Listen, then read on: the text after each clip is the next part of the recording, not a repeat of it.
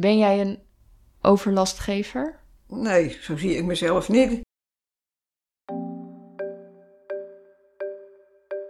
Je luistert naar Gillend Gek, een podcast van RTV Utrecht. Dit is de vierde en laatste aflevering.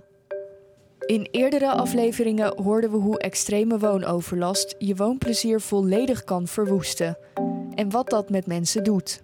Maar je hoorde ook Laura. Zij werd vanwege overlast haar huis uitgezet en kwam toen in een garage terecht. Dat is natuurlijk niet echt een ideale woonsituatie voor niemand. En al helemaal niet als het al niet goed met je gaat. Toen, toen ging het niet meer, toen had ik er echt geen zin meer in. En toen werd het alleen maar erger. In deze aflevering kijken we naar mogelijke oplossingen voor beide partijen op de lange termijn. Hoe kunnen mensen zoals Wim en Jasper weer fijn wonen zonder dat bijvoorbeeld Laura daarvoor in een koude garagebox moet zitten? En misschien een beetje openknippen dat het iets groter is. We zijn bij Skevenhuizen. Dat is een bijzondere vorm van begeleid wonen voor mensen die door psychiatrische problemen overlast veroorzaken. Daar, ga lekker zitten.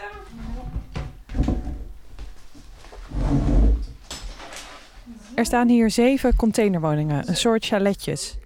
Laura heeft groene vingers. Ze heeft een eigen tuintje dat ze mooi onderhoudt en geeft ons tips over hoe we onze eigen op sterven na doodplanten weer tot leven kunnen krijgen. Het iets groter is, het is best klein.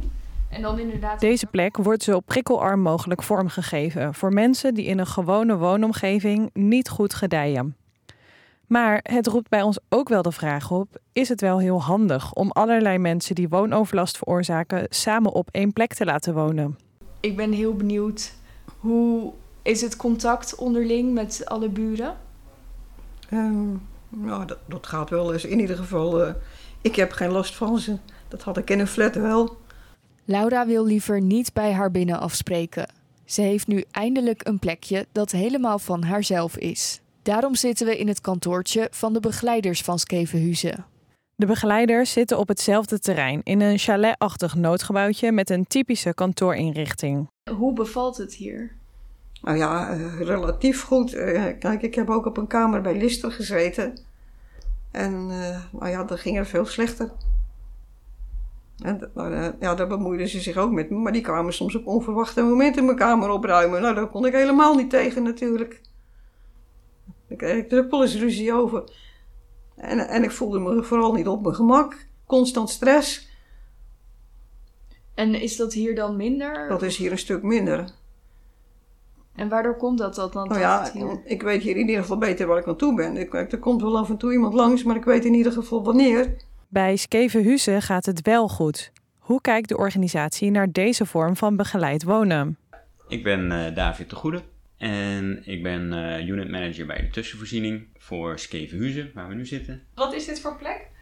Dit is een plek voor, uh, ja, een soort aangepaste woonplek voor mensen die in reguliere woningen vaak voor overlast zorgen.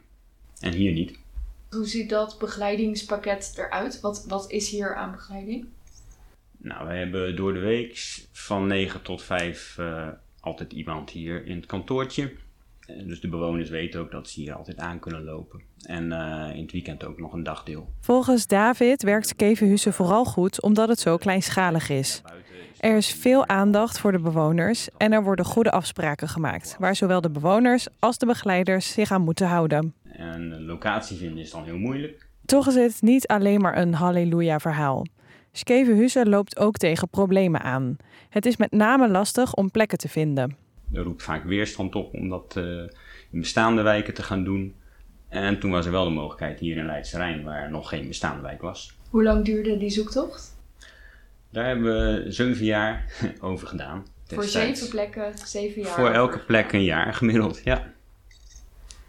En is dat dan vooral vanwege die weerstand? Of heeft dat ook te, ja, simpelweg te maken? We weten natuurlijk allemaal dat Utrecht uh, een plek is nou, waar het gewoon überhaupt ook voor ons lastig is om een woning te vinden, zeg maar. Heeft het ook ja. met de woningnood te maken? Uh, ja, ongetwijfeld. Hè, dat zou in, uh, weet ik veel, in de Achterhoek misschien makkelijker geweest zijn.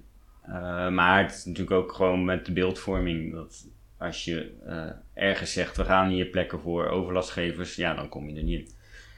En ja, wat dat betreft is het ook wel mooi dat, hoe het hier is hè, ontwikkeld dat, dat wij op deze plek de eerste mensen waren die er woonden. Ehm, en dat blijkt dat het dan eigenlijk ook prima kan.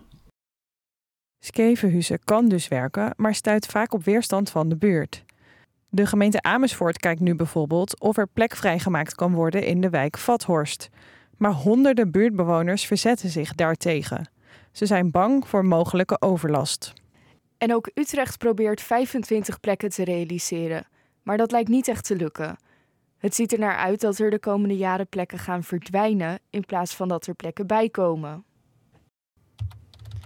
Hoe zit het eigenlijk met andere gemeenten in onze provincie? We vragen het na. Beste communicatieafdeling voor RTV Utrecht. Van de 24 gemeenten die we mailen, laten de meeste ons kort en bondig weten dat er geen skevenhuizen of iets vergelijkbaars is. Goed. Hanne, Raad en Evie Westland. Beste Hanne en Evie, het antwoord op al je vragen is nee. Iets wat erop lijkt, nee. We zijn op dit moment niet bezig met het realiseren van een dergelijke woonvorm. Niet van mhm. toepassing, niet van toepassing. Het antwoord op je eerste twee vragen is dus nee. Op dit moment hebben wij geen woonruimte volgens dit concept. Op dit moment niet en er zijn ook geen plannen toe. We zijn op dit moment niet bezig met het realiseren van een dergelijke woonvorm. We vinden wel dat niemand op straat hoeft te leven. We weten dat er mensen zijn die moeilijk in de maatschappij passen en dat voor hen een passende plek rustig en prikkelarm moet worden gevonden.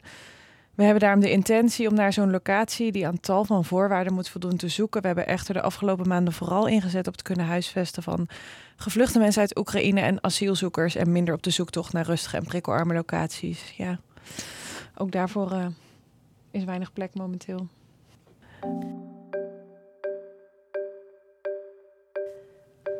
Alleen in Vijf Herenlanden en Montfort zijn ze serieus bezig met het onderzoek naar deze woonvorm. In Montfort zit dat nog erg in de beginfase.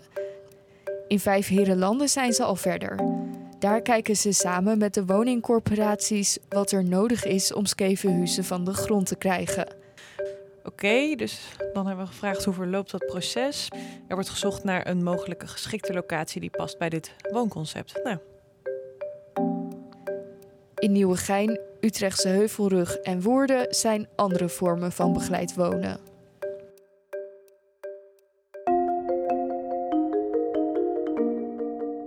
We komen een beetje aan het einde van, uh, van onze laatste aflevering. Wat is wat jou betreft de conclusie? Wat zijn we te weten gekomen over extreme woonoverlast? Nou, wat mij sowieso is opgevallen, dat uh, als je het er met mensen over hebt, heeft opeens iedereen een verhaal over woonoverlast.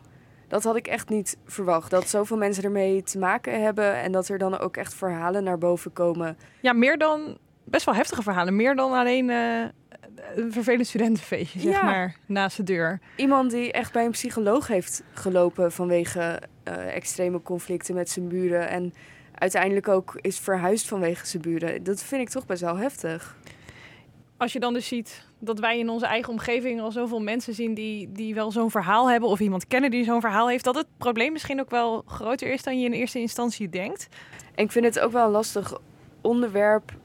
Het lijkt wel alsof iedereen zich ermee bemoeit, maar tegelijkertijd ook niemand zich ermee bemoeit. Dus het bemoeit zich wel mee, maar iedereen zit heel erg vast in zijn eigen vakgebied of zo. Dat, ik denk wel dat mensen willen. Um... Ja, zeker. Iedereen wil wel helpen en iedereen wil het wel oplossen. Maar uh, ja, een wijkagent is geen bemiddelaar en een bemiddelaar is geen psychiater. En een psychiater gaat weer niet over de huur.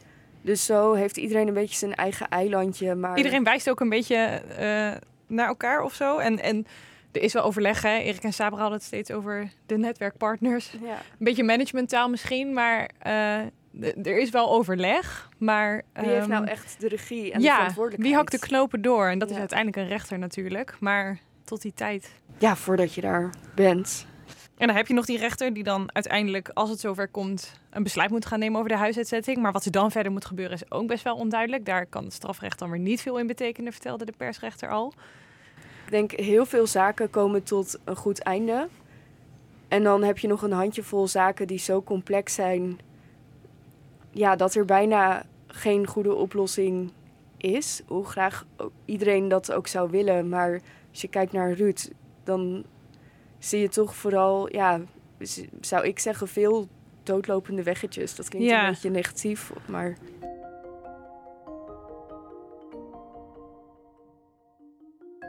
De grote vraag die we ons eigenlijk uh, hebben gesteld.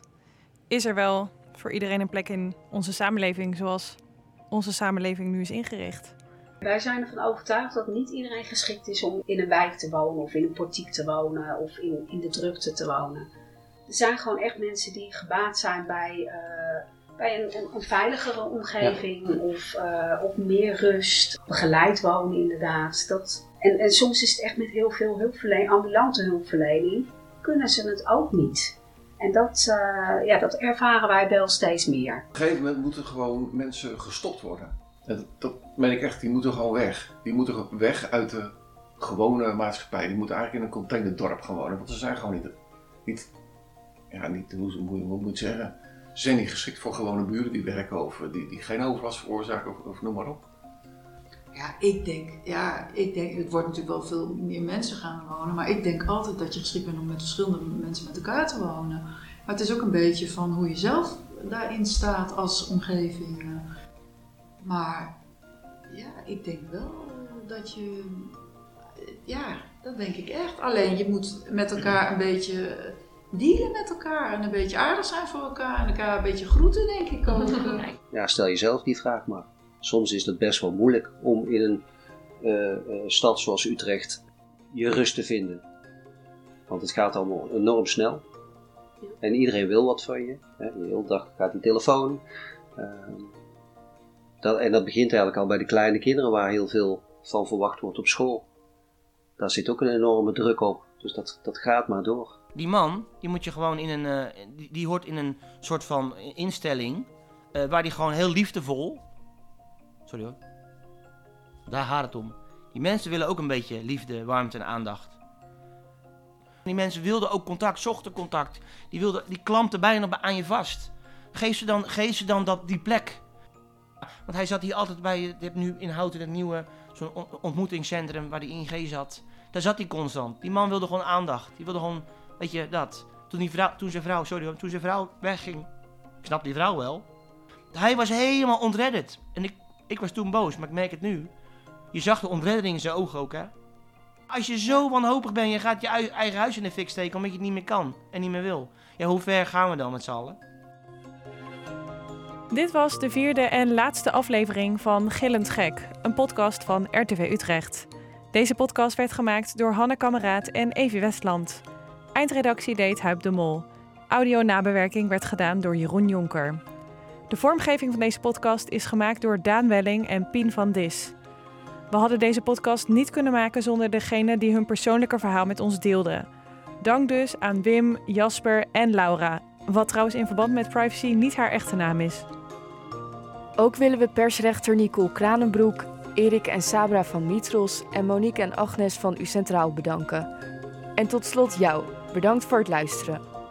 Dit was de laatste aflevering, maar dat wil niet zeggen dat het onderwerp voor ons nu klaar is. Wil je iets met ons delen? Mail ons dan op nieuws.rtvutrecht.nl.